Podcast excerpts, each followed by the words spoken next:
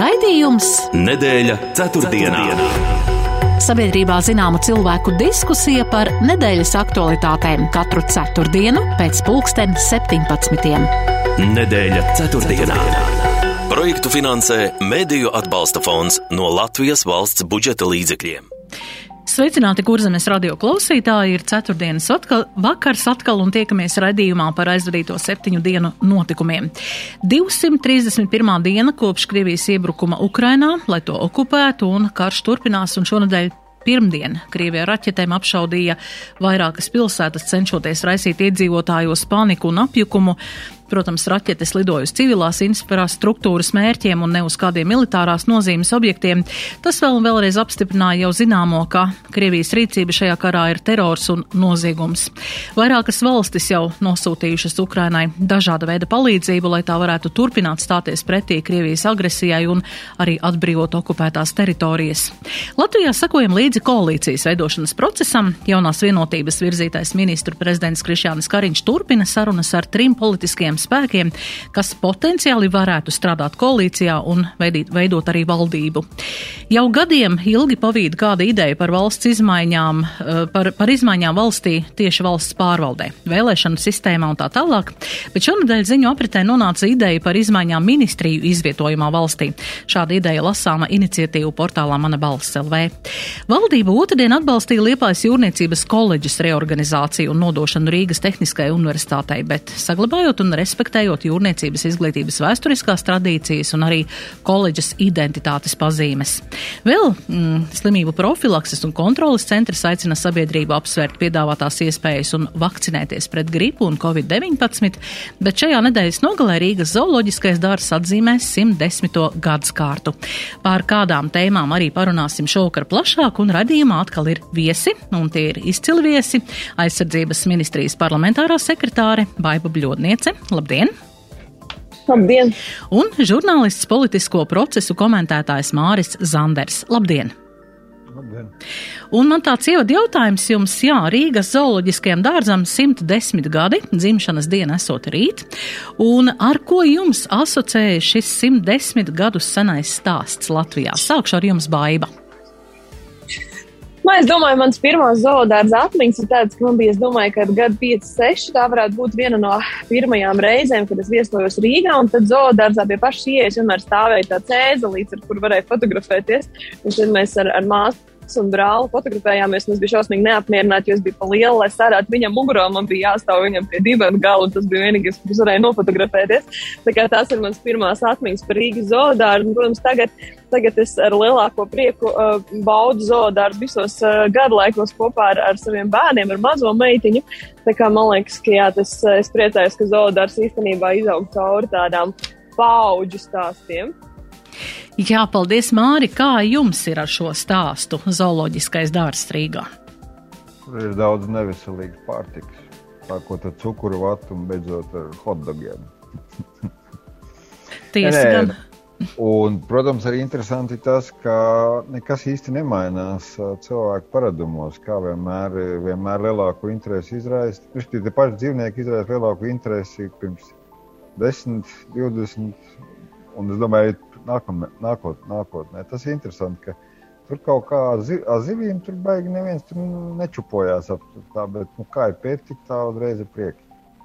Jā, nu šajā sezonā es pat apmeklēju šo zoodārzu un pērtiķu māju šķiet bija slēgta, jo tur notiek varēna atkal šie te remonta darbi un rekonstrukcijas darbi.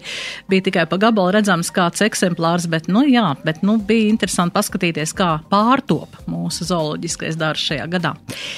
Jā, nu, negluži kā tik labi kā zooloģiskajā dārzā nesokās mums ar uh, mūsu jaunās koalīcijas veidošanu, politiskās partijas, kas potenciāli varētu šo koalīciju veidot un arī vēlāk valdību, turpina sarunas un jaunā vienotība šodien šo pēcpusdienu tikās ar Nacionālās apvienības pārstāvjiem, ir jau bijušas tikšanās ar progresīvajiem un apvienoto sarakstu. Jūsu tāds vērtējums šim, kas notiek, jo arī vakar rīt kādā televīzijas raidījumā arī ministra prezidents izteicās, jā, kad arī ar apvienoto sarakstu un ar visiem politiskiem spēkiem cilvēkiem tika izrunātas šīs lietas un, un jautājumi un nozares un, un, un viss šīs risināmās risināmās lietas, kas vieno, un arī ir atšķirīgais, un, un šis atšķirīgais, nu, tad arī liek pārdomāt, kā, tā, kā varētu būt šī sadarbība četru gadu garumā. Jā, kā vērtēt līdz šim zināmo sarunās ar apvienoto sarakstu, savienot šajā sarunās ar Nacionālo apvienību un progresīvajiem? Sākšu ar jums, Māri. Ne, nu pats garums vai ilgums, precīzāk sakot, cik ilgi tie cilvēki sarunājās, tas nav, par to nevajadzētu krenķēties, jo nekas no tā uh, sliktāk nepaliek. Nu, tāda viedokļa, ka nu, tur, nu, tas nav tāds eksistenciāls jautājums. Skaidrs, ka, ka nu, viens otru ņem uz izturību, kas arī ir pilnīgi normāls pasākums. Cita lieta, ka, nu, ja tur man stāsta, ka vispirms jāvienojas par darāmiem darbiem un pēc tam par, par, par amatiem, nu, varētu, ja, ja, ja man kāds mēģina iestāstīt, ka pa amatiem nenotiek runāšana, tad tā, protams, ir blēņošanās. Un, un tas tā kā nav īsti smuki cilvēkiem stāstīt muļķības. Un, un, un, un no tāda viedokļa, piemēram, nu, mums ir, pieņemsim, ka es to nosapņoju ka aizsardzības ministra vēlās būt uh, Mūrnieca kundze, Dināra Mūrnieca no saimnes pašreizējā priekšādātāja.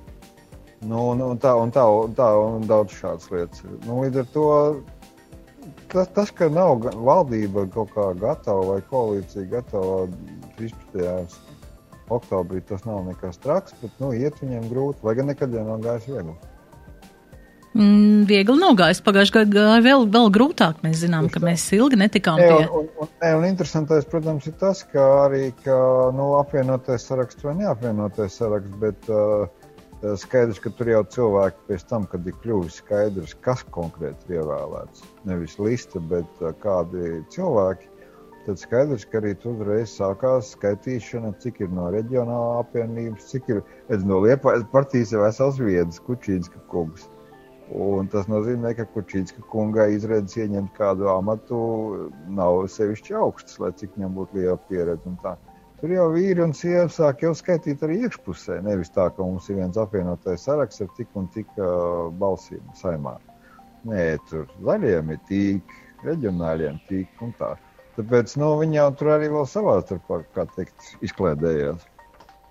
Jā, nu noteikti tā vienošanās, panākt vienošanos šādā veidā ir ļoti grūti, īpaši, ja tās ir partija apvienības. Nenoliedzam tā ir. Nu, lai cīnās, lai cīnās. Jā, Baiba, kāds ir jūsu skatījums uz šo procesu šajā brīdī? Es tikai druskuļi paturpināšu to, ko, ko Mārcis jau teica. Nu, pirmkārt, tās jau nav trīs partijas, kas tur sēž ap to sarunu galdu. Tas ir, ir nu, kaut vai no apvienotās saraksta vien, tās ir trīs partijas un, un vēl arī tādas, kuras vēl ir atdalījušās un nesen izveidojušās atsevišķi, nu, ka pirms tam bija citās apvienībās, un arī pašai vienotībai vēl ir sadarbības līgumi. Tā kā, nu, tur, tur tie ieinteresētie, kas jau šobrīd sēž ap to galdu, ir, ir daudz, bet, nu, protams, ka man viskomiskākais šķiet viss tas tā deķu vilkšana ap to progresīvo stāstu, jo nu, es saprotu vienotības matemātisko loģiku. Nu, skaidrs, viņi, skaidrs, ka viņiem nebūs tik salīdzinoši vieglas dienas, kā viņiem bija iepriekšējā parlamentā, kur viņi varēja justies salīdzinoši komfortabli. Jo, nu, būsim objektīvi, mēs vienmēr bijām kā viņu tāds lielais atbalstītājs visos tajos vismuļķīgākajos un populistiskākajos brīžos bijām tāds drošs sabiedrotais. Tagad viņiem tāda droša sabiedrotā vairs nav, un tas nu, paši viņi ir vairāk. Līdz ar to arī pašiem iekšēji intereses ir daudz vairāk, un arī, kā mēs zinām, iekšēji vienotība arī ir dažāda, kā to mēs saucam par strāvojumiem. Ja? Kur nebūtu nav absolūti vienoti savā izpratnē. Un, un arī, tā kā, tā kā, tur es domāju, ka to jautājumu ir daudz, bet tas, kas ir attiecībā uz šiem progresīvajiem, protams, ka tas bez tās matemātiskās loģikas, protams, progresīvi ir pilnīgi neloģiski vispār šai valdībā. Nu, viņi, es teiktu, uh, uh, nu, kā viņi, uz, viņi uzvedās un visas tās viņa idejas ir tā tādiem pusauģiem, kas izlasa internetā kaut ko super trendīgu, un tad viņi nāk klajā, var, ka to mums arī vajag Latvijā. Nu, man liekas, tas vismuļķīgākais viņu un vis, nu, tiešām kaitīgākais, es šobrīd teiktu, pēdējais paziņojums par to dzimumu maiņas ļaušanu bērniem, kur mēs esam taču visi. Nu, tas vienkārši tā ieraudzīt, ā, tas ir kaut kur trendīgs, tad mēs tagad pateiksim, bez jebkādas analīzes, bez jebkā, ka, ka palasīt arī es atvainojos, ka, nu, cik liels ir diskusijas par to, ka, pieņemsim, Lielbritānijā par to, ka to kategoriski aizliegt vispār visos apstākļos, saprotot, ka bērni līdz 18 gadu vecumam ir, ka vispār var mainīt viedokli. Nu, tā kā es domāju, ka, protams, progresīvie, nu, tādi Uh, uh, ir, ir nu, tur, nu, viņa nav noteikti gatava valdībai. Tur vispār nav diskusija, jo tāpēc, ka, ka viņa izpratne par to, kāda ir atbildība par valsti, par cilvēkiem, par visu ir tāda, nu, es saku, tiešām tā, tādiem, tādiem spurainiem pusauģiem, kas vienkārši grib būt populāri savu vienaudžu vidū. Jā, mums ir maza reklāmas pauzīte, un pēc tam turpināsim. Nedēļa ceturtdienā. ceturtdienā. Es eleganti omulīgais organizēju Gorenjas svētkus jums, PTA veikalā. Pie mums Gorenja kvalitāte, dizains, garantija, izvēle un galvenais - oktobrī, novembrī pēc ko vēlies klāt noderīga dāvana. Putekļu sūcējiem dāvana svarī, leduskapim, vafeļu panna, cepeškrāsnī, sildītājs, plīsvirsmai, teikanna. Dāvanas, dāvanas, dāvanas. Mazgabarīta tehnikai bezmaksas piegāde Omnivas pakamātos visā Latvijā. PTA Dambja 3. www.pta.lv Pasaules spēka vīru čempionāts Talsos. Startautiska turnīra uzvarētājs Dainis Zāģeris kopā ar meža saimniecības uzņēmumu Priedes AG aicina jūs 22. oktobrī 2017. Tāls otrās vidusskolas sporta hālē uz pēdējās piecgades iespaidīgākajām spēku vīru sacensībām Baltijā. Priedes AG pasaules spēku vīru čempionātā piedalīsies Židrunas Savīskas no Lietuvas, Konstantīns Janāšie no Grūzijas, Rongo Kīns no Jaunzēlandes un citi spēku vīri. Biļetes Biļešu paradīze LV! Jo priedes var!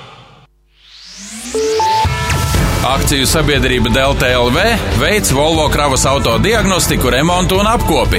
Sagatavo auto ikgadējai tehniskai apskatei. Servisa centrs Delta LV tagad arī saldu Kuldīgas ielā 69C. Vairāk informācijas pa tālruni 29 471 711. Ieskaties arī www.deltlv.lv. Laimīgās nedēļas ir klāt! Abonē saturu, kuru veido Latvijas labākie profesionāļi. Ieva, Santa, Klubs, privātā dzīve, Ievas stāsti, mans dārs, Ievas veselība, lauku māja un daudzi citi žurnāli ar līdz pat 57% lielu atlaidi. Pasteidzies, visizdevīgākās cenas spēkā tikai līdz 23. oktobrim. Lētāk vairs nebūs. Abonē mani žurnāli LV! Nedēļa ceturtdienā. Turpinām raidījumu, un šodien raidījumu viesi Baiva Bļodniece un Māris Zanders. Jā, Baiba, jūsu viedoklis bija par progresīvajiem kā par uh, spurainiem pusauģiem, uh, bet jāsaka gan, ka šajā, visā šajā sarunu uh, kontekstā klausoties, ar, uh, kā tas notiek, ka arī patiesībā pats Kariņu kungs atzīst, ka nu, arī ar apvienoto sarakstu ir neparedzamas lietas, tā kā jau mēs minējām to, ka tās ir tie trīs politiskie spēki, kas ir apvienojušies, un tā kā jau Māris teica, ka katram ir savs uzstādījums arī šajā politiskajā spēkā, vai varētu būt, piemēram, ka apvienotais saraksts arī pie kādām nesaskaņām varētu, nu, kaut kādā veidā arī sašķelties, kā jau tas ir pieredzēts, nu, kaut kādās agrākajās uh, saimas veidošanās sarunās, nu, uh, koalīcija veidošanās sarunās, kad uh, pie kādām nesaskaņām, nu, politiskie spēki vienkārši pašķīst. Māri, kā jūs domājat? Nu, jautājums, kad? Tādā nozīmē, nu, skaidrs, ka tuvāko pusgadu laikā es ļoti šaubos. Un, un tā. Jo mums vēl ir visādi interesanti notikumi gaidāmi. Man liekas, ka Pilēna kungam, piemēram, ļoti svarīgi ir tas, vai kas būs nākamais valsts prezidents. Ja gribētu precīzāk izteikties, vai nākamais valsts prezidents būs, būs Oldis Pilēns vai ne. un, un tas nozīmē, ka tur var arī, kā sacīt, nu, tas ietekmē visu. Ja? Bet es domāju, nē, nu, tuvākajā laikā nu, tur nešķelsies. Nu, tas tik traki jau arī nav. Tur tomēr tika atsaldēti jaunieši. Arī viņi nav kā, kā dažs labs, ko iepriekšējā saimā ievēlēja. Bet, nu, jā, interesi atšķirās. Jā, pavisam noteikti, un arī uz to ir arī norādījis Kariņkungs, ka viņš runā sarunās tātad ar Pīlēnu kungu, bet būs jāstrādā ar šiem ievēlētajiem eh, deputātiem, un ka tas varētu būt arī kaut kas atšķirīgs, bet m, mm, kā jūs vērtējat to, jā, vai man jau gan šķiet, ka izskatās, ka šis apvienotais saraksts tomēr ir tāds monumentālāks, viņš nemaz nav tik, eh, nu, kopā, nu, tāds eh, nesaskanīgs, viņš ir diezgan tāds ar vienām interesēm. Tas jums, tas jums kurzemnieku patriotisms jūsos runā šobrīd. nē, nē, nu, nu, es nezinu, nu, atklāt sakot, kā var, kā var teiksim, būt. Uh, nu, kā es saku, es, es pat pus, pustukšu cigarešu paciņu neatstāju cilvēkiem, kuri iepriekš brauca Lembergam apliecināt uzticību, pēc tam saka, ka Lemberga nestrādās kopā šajā gadījumā, domāju par zaļo partiju. Ja? Vai teiksim, ar, ar Digita Šmitu, kurš ir mainījis partijas, tā kā riebjās, jo viņam gal galā pirms KPVLV arī bija partija. Ja? Nu, nu, nu, tā nezinu. Nu, tur ir, protams, daudz godājumu cilvēku, tiešām cepuri nost, bet nu, tie, kas arī tur ir, vai var līdz ar to runāt par viņiem kā monolītu spēku, nu, es atvainojos. Es ļoti atvainojos, bet nē tam būs jāpierādās, ja, darbos. Ja, ja, būs, ja būtu tāds apgalvojums, tad tam būtu jābūt pierādītam. Jā, nu katrā ziņā novēlam veiksmi visām šīm uh, sarunu uh, vedējiem un, un, un lai tiešām mēs nepaliktu bez uh, jaunās saimas, jaunās, saimā jaunās koalīcijas un jaunās valdības. Um, arī mm, mūsu valsts prezidents izteicies, ka šī koalīcijas veidošana varētu ievilkties. Nu, cerēsim, ka tomēr nepiepildīsies šādas prognozes un ka mēs daudz ātrāk ieraudzīsim, jā, kas būs politiskie spēki, kas vadīs mūsu valsti. Jā, ja runājam par citiem notikumiem, kas ir ārpus Latvijas, tad uh, man gribētos, jā, baiba, ka jūs paraksturotu mm, šo pirmdienu tiešām pāršalca pasauli šī vēsts par īpaši Eiropu, par um, notikumiem Ukrainā, par jauniem notikumiem, par raķešiem. Uh, Uh, uzlidojumiem uh, dažādām pilsētām Ukrainā, kur iepriekš bija samērā klusāks uh, salīdzinot ar austrumiem un, un dienvidiem Ukrainā. Un jūs gadījāties tieši Kīvā šajā laikā, kad lidoja raķetes. Jā, varbūt pastāstiet tos savus iespaidus un nu, kā tas izskatījās no tās puses, no tā punkta skatoties. Nu, es jums teikšu tā, ka es jau vairāk kārt esmu šovasar arī bijusi jau šī no, no jūnija bija trešā reize, kad es tagad biju Ukrainā, un tās iepriekšējās reizes tajā Kīvā patiešām bija salīdzinoši mierīgi, neskatoties uz to, ka iepriekšējā reize bija, kas ir Ukrainas neatkarības dienas svinībās gaidīja kādus uzlidojumus. Tad šoreiz savukārt bija tā, ka mēs aizbraucām svētdienā, jā, iebraucām Kievā vakarā vēlu, Un visi bija ļoti mierīgi. Nu, visi tur teica, nu, ka jūs esat tālu, ilgi, tālu braukuši, ilgi braukuši. Nu, tur es viņiem prasīju, kas notiek ar tā, tām gai, gaisa trauksmēm, kad notiek. Es teicu, nē, izslēdziet, guliet mierīgi, nekas te nav sen bijis, taču rītā gara diena un pēc tam atpakaļ diena. Un, un rezultātā tas beidzās ar to, ka no rīta, kad mēs taisījāmies pirmo tikšanos uz numuriņām, es biju neatceros, kurā tur desmitajā vai kurā stāvā, pēc tāds troksnis, kā jums teikt, tā kā, tā kā tāda sajūta, tā kā būvgrūži tiek izgāzti no automašīnas. Un es joprojām nu, nesaprotu, kas notiek. Pēc tam vēl kāds troksnis līdzīgs, paskatījos ārā pa logu, tā kā mierīgi tajā pusē cilvēki iet, nav nekas tur redzams. Laigi. Un mēs nobraucām lejā, un tad bija skaidrs, ka 300 metru attālumā no mūsu viesnīcas pašā, pašā Kievas centrā ir, ir, ir nokritušas pirmās raķetes. Tad, protams, līdz pusdienas pusē vieniem viss sēdēja bumbu patvērtnē, eh, jo bija turpinājās uzlidojumi.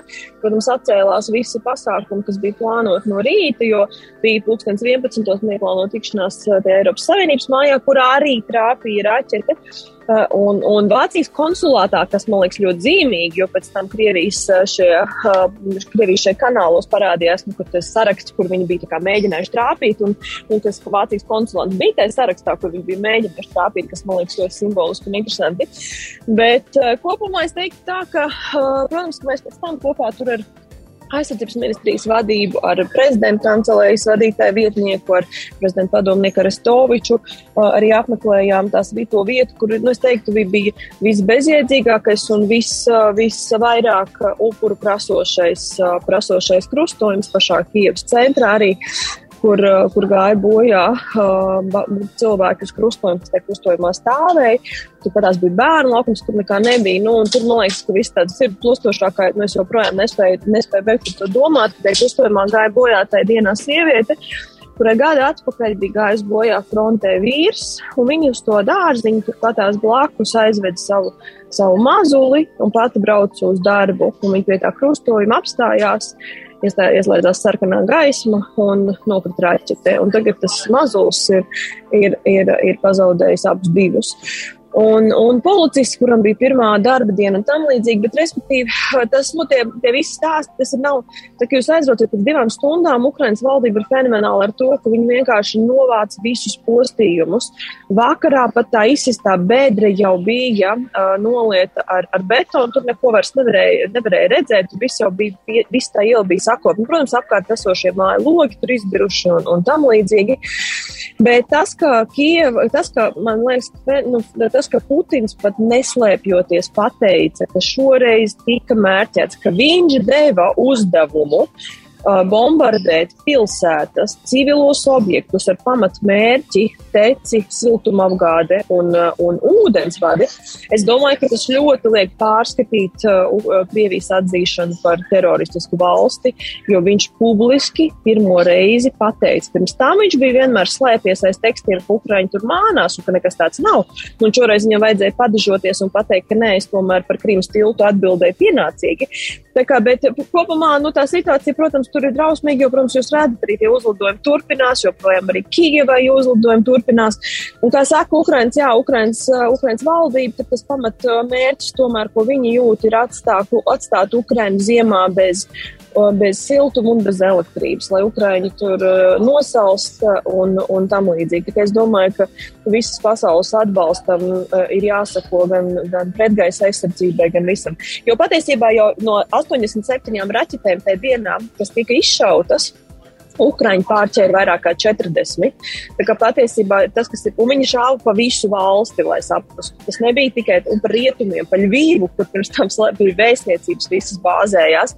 Ļvīva bija vairākas dienas bez elektrības, kur visi lielie kara hospitāļi. Tā kā, nu, tas, es domāju, ka tas vienkārši liecina par to, ka tā pergaisa aizsardzība strādā no vienas puses, bet no otras puses, ka viņi ir būtiski jāstiprina. Un tas ir tie, līdz ar to tie NATO lēmumi ir pareizi. Jā, bet par to ir arī runa, ka Ukraina ir ļoti liela teritorijas ziņā un ka šī raķešu aizsardzība, šīs sistēmas e, varētu nu, netik ļoti būt. E, nu, protams, tas būtu arī nu, daudz raķetes nesasniegtu mērķi un tiktu pārtvērts un uzspridzināts, bet, bet patiesībā, nu, ļoti daudz šo vajag, vajadzīgas šo. Um, šīs aizsardzības sistēmas, lai izvietotu un aizsargātu tiešām šo infrastruktūru Ukrainā.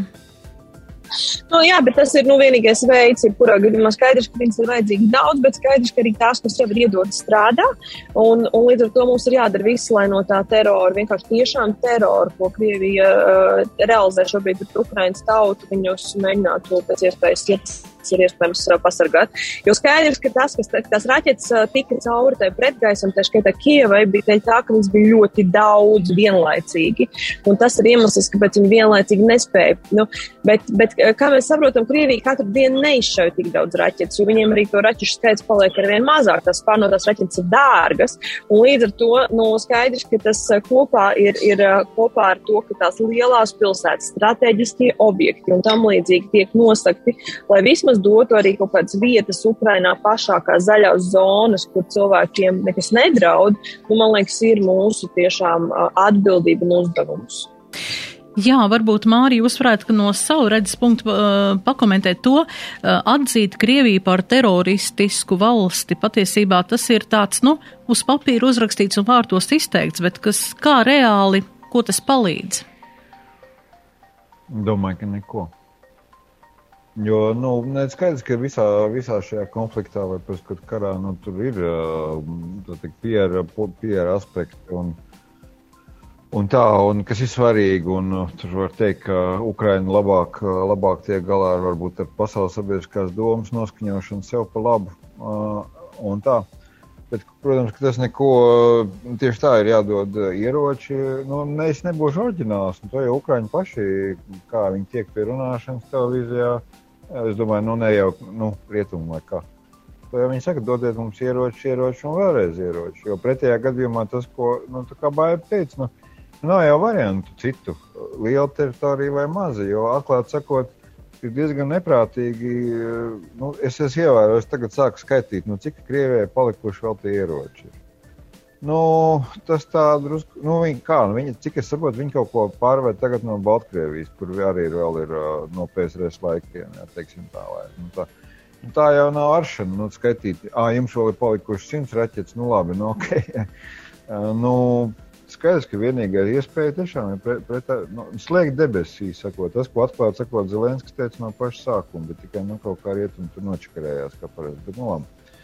Mm. Uh, bet nu, cita lieta, ka vienīgi es arī mazliet aizstāvot rietumus, ir tādā nozīmē, ka, ja es pareizi saprotu, ka nu, tos Ukraiņas tos militāros ekspertus, nu, jā, stingri iemācīties šaut, tas ir, tas ir dažu stundu jautājums. Nu, tad, protams, tādas iekārtas, nu, tas ir, tas ir apmācības periods. Un plus visam es saprotu, ka viņi diezgan maz atklāti sakot. Tāpēc nu, ne, nav gluži tā, ka varbūt rietumu speciāli kaut kā nedot vai, vai, vai, vai tam līdzīgi, bet viņiem pašiem nav. Es domāju, nu, tur Vācijai vai, vai tam līdzīgi. Un tur ir kaut kāda objektīva čakarēšanās. Nu, cita lieta, ka ja viņi būtu ātrāk sākuši un pie tā sajēgas nonākuši, nu, tad būtu bijis labāk. Es, esmu... es tikai gribēju ar vienu, ar vienu lietu precizēt. Lai taisnības kara sākumā iespējams, ka tos gudros ieročus nedēļa arī tā iemesla dēļ, ka viņi nebija apmācīti. Bet Jā. nu pat Ukraiņi ir apmācīti. Viņi ir apmācīti riekoties ar haimāriem ar, ar stingriem, protams, arī tieši skaitā mēs viņus palīdzam apmācīt. Ļoti daudz esam palīdzējuši apmācīt. Tā kā tagad jau viņi ir apmācīti arī uz gudrajām iekārtām, līdz ar to arī uz tiem jaunākās paudzes ieročiem, NATO ieročiem. Līdz ar to, līdz ar to tas arī tas ir iemesls, arī, kāpēc viņiem dod. Bet, nu, protams, ka viņiem amerikāņi dod vairāk, ir citas valsts, kuras varētu dot nu, dažreiz man arī pārņem tā sajūta, ka varbūt ir tās dažas lielvalstis, kuras mēs laikam spiežam dot, un varbūt viņiem nekā īstenībā tur nav tomēr ko dot. Un, nu, tāda sajūta nu, rodās. Es nevaru teikt, ka man, man pat subjektīvi tāda rodas, neskatoties uz to, ka viss tās nē, nu ir, ir, ir. Bet, nu, man liekas, nē, nu, varbūt tomēr mēs tikai domājam, ka ir. Jā, mums ir reklam, maza reklāmas pauzīte, un tad turpināsim šo tēmu. Parunāsim vēl. Sabiedrībā zināma cilvēku diskusija par nedēļas aktualitātēm. Nedēļa ceturtdienā. Lai ar mierīgu sirdi sagaidītu ziemu, nepieciešams drošības pilvens. Taisnība! Tev vajag Lidl drošības pilvenu, kuru saņem visi, kas pievienojas Lidl komandai. Kas tajā pilvenā ietilpst? Stabils darbs, kur darba vietu skaits turpina augt, izcila veselības apdrošināšana un stabila alga, kas vienmēr izmaksāta laikā. Arī tas vēl nav viss, tāpēc nāc strādāt Lidl un saņem savu Lidl drošības pilvenu. Vairāk par to, ko vēl Lidl var tev piedāvāt, meklē www.nāc uz Lidl LV. Uzmanību, uzmanību! Atlaižu vilciens jau kā senukē veikalos. Velotrenažieris 79 eiro, bet kvadrcikls ar 74% atlaidi tikai par 499 eiro. Kā senukai! No padoma līdz risinājumam! Akcijas spēkā līdz 7. novembrim. Citrosaime mīl dalīties priekā. Nāc uz mūsu veikaliem, piedalies lielajā Citro ģimenes loterijā un laimē kādu no 15 naudas balvām 1200 eiro vērtībā, Samsung vietāluņus vai Citro dāvanu kartes un dalies priekā ar saviem mīļajiem. Loterijas noteikumi Citro LV. Loterijas atļaujas numurs 7407. Nedēļa ceturtdienā. ceturtdienā.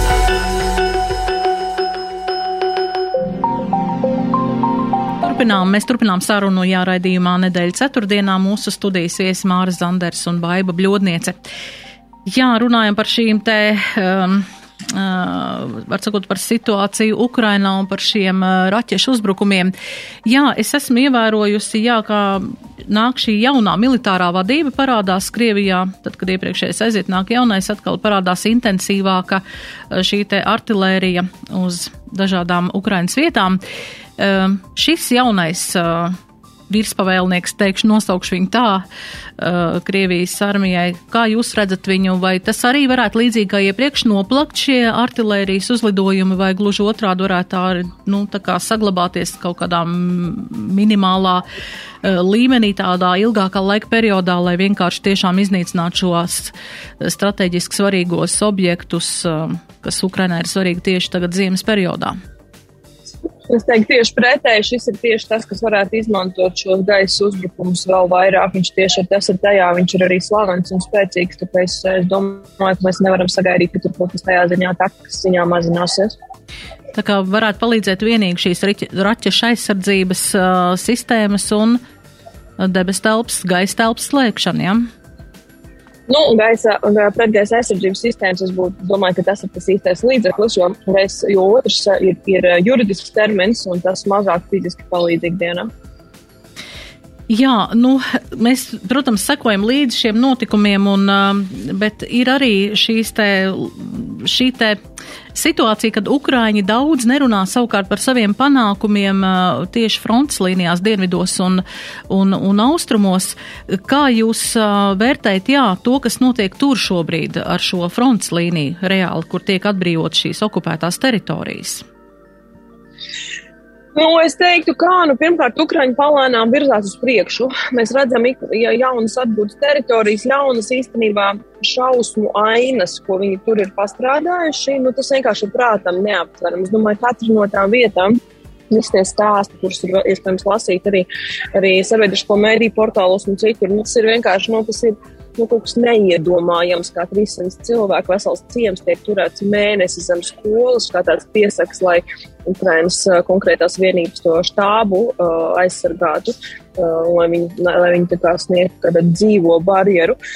Nu, es domāju, ka tas viss ir, ir, ir, ir zvērīgi, ko mēs tur atklājam, bet vienlaicīgi skaidrs, ka Ukrāņi mērķiecīgi iet uz priekšu. Skaidrs, ka viņi atbrīvo gabalu pa gabalam. Es domāju, ka tas ir arī tas, kas izraisa tādu histēriju Krievijas nu, prezidenta vidu no apkārtnē.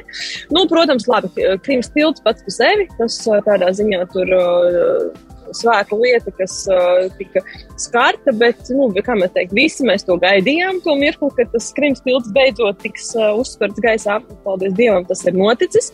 Bet, nu, jebkurā gadījumā, uh, jebkurā gadījumā, es domāju, Ukraina demonstrē lielu pārākumu uz zemes lēnām, jā, bet viņu gabaliņu pa gabaliņam savas zemes atgūst. Un tas līdz ar to izraisa vienlaicīgi arī kaut kādu pretējo reakciju kaut kādā citā pusē, bet, bet nu, tas ir tas, ko es droši vien domāju, ka, ka tas arī turpināsies.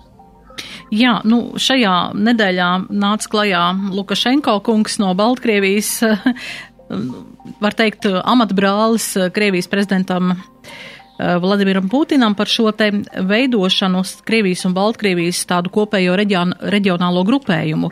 Um, kaut gan, nu, tie, kas ir izpētījuši, izlūk eh, dažādas organizācijas, saka, ka Baltkrievijai pašai nu, tādas īstas eh, armijas nepietiek, lai varētu mm, visu šo tehniku apkalpot un, un tādā veidā tā kā, nu, organizēt arī savu uzbrukumu no Baltkrievijas puses. Eh, kā jūs redzat, vai tas ir vairāk tā kā eh, tieši, lai psiholoģiski ietekmētu Ukrainas armiju, vai tiešām tas būs kaut kāds nopietnas spēks, ar ko vajadzētu rēķināties? Māri, kā jūs domājat? Nu, es tik, eh, tik, kā saka, bravūrīgi par Baltkrieviju nerunātu, tāpēc, ka uh, nu, Baltkrievijas opozīcija labākajās opozīcijas tradīcijās pagūda, protams, sašķelties. Es vēl tagad īsti nesaprotu, kurš tur ko pārstāv. Vai tas džentlmenis, ko es tur tās pieminēšu, ir no Čihanovskis, vai viņš ir kaut kāds pārējais stāsts, vai tas ir. Nu, bet īstenībā nav būtiski. Respektīvi, tas ir džentlmenis, kas ir opozicionārs, kurš ir tajā kaut kādā pārējais valdībā vai pārējais grupā, kurš pats ir BDV tas ir nu, gaisa desantnieku apakšpulkvedis, bet nu, kurš ir tātad pret Lukašenko. Un viņš, nu, burtiski šodien vai vakar, jo es skatos internetā tās intervijas, man ļoti patīk. Viņš teica, ka, ne, protams, nu, ka tur tādas varbūt iemaņas nav un, un tehniski Baltkrievijas armija ir sliktāk sagatavota. Bet, kā viņš teica, bet toties mums nav tādas zakšanas un bardaka, kāda ir Krievijas armijā un uh, Krievijas armijā. Un tādēļ viņam, kad viņam tieši arī šī, kā nu kurš sauc no Vremja vai Karantīvī Times žurnālisti prasīja, nu, cik ar, vai viņi re, var re, re, radīt reāls draudus, tas, tas, tas opozicionārs, militārists teica, nu, nevajag novērtēt pa zemu, un es domāju, ka tā arī ir. Mums kaut kā, ik krieviem tas labs izteiciens, šapu zaki, šapu zaki daķustro, un, un mums brīžiem tajās simpātijās pret Ukrāņiem mēs kaut kā arī tā nu, pa zemu novērtējam. Mm. Jā, Baiba, kā jūs redzat šo jauno veidu? Es neredzu, Es, ne, es nedomāju, ka tas ir kaut kāds jauns veidojums. Mēs mūsu vismaz militārajā ziņā Baltkrievija ar Krieviju jau ir bijusi kopā jau, jau pēdējos gadus un nav skatīta vienā mirklī atsevišķi. Līdz ar to es nedomāju, ka tas ir kaut kas jauns.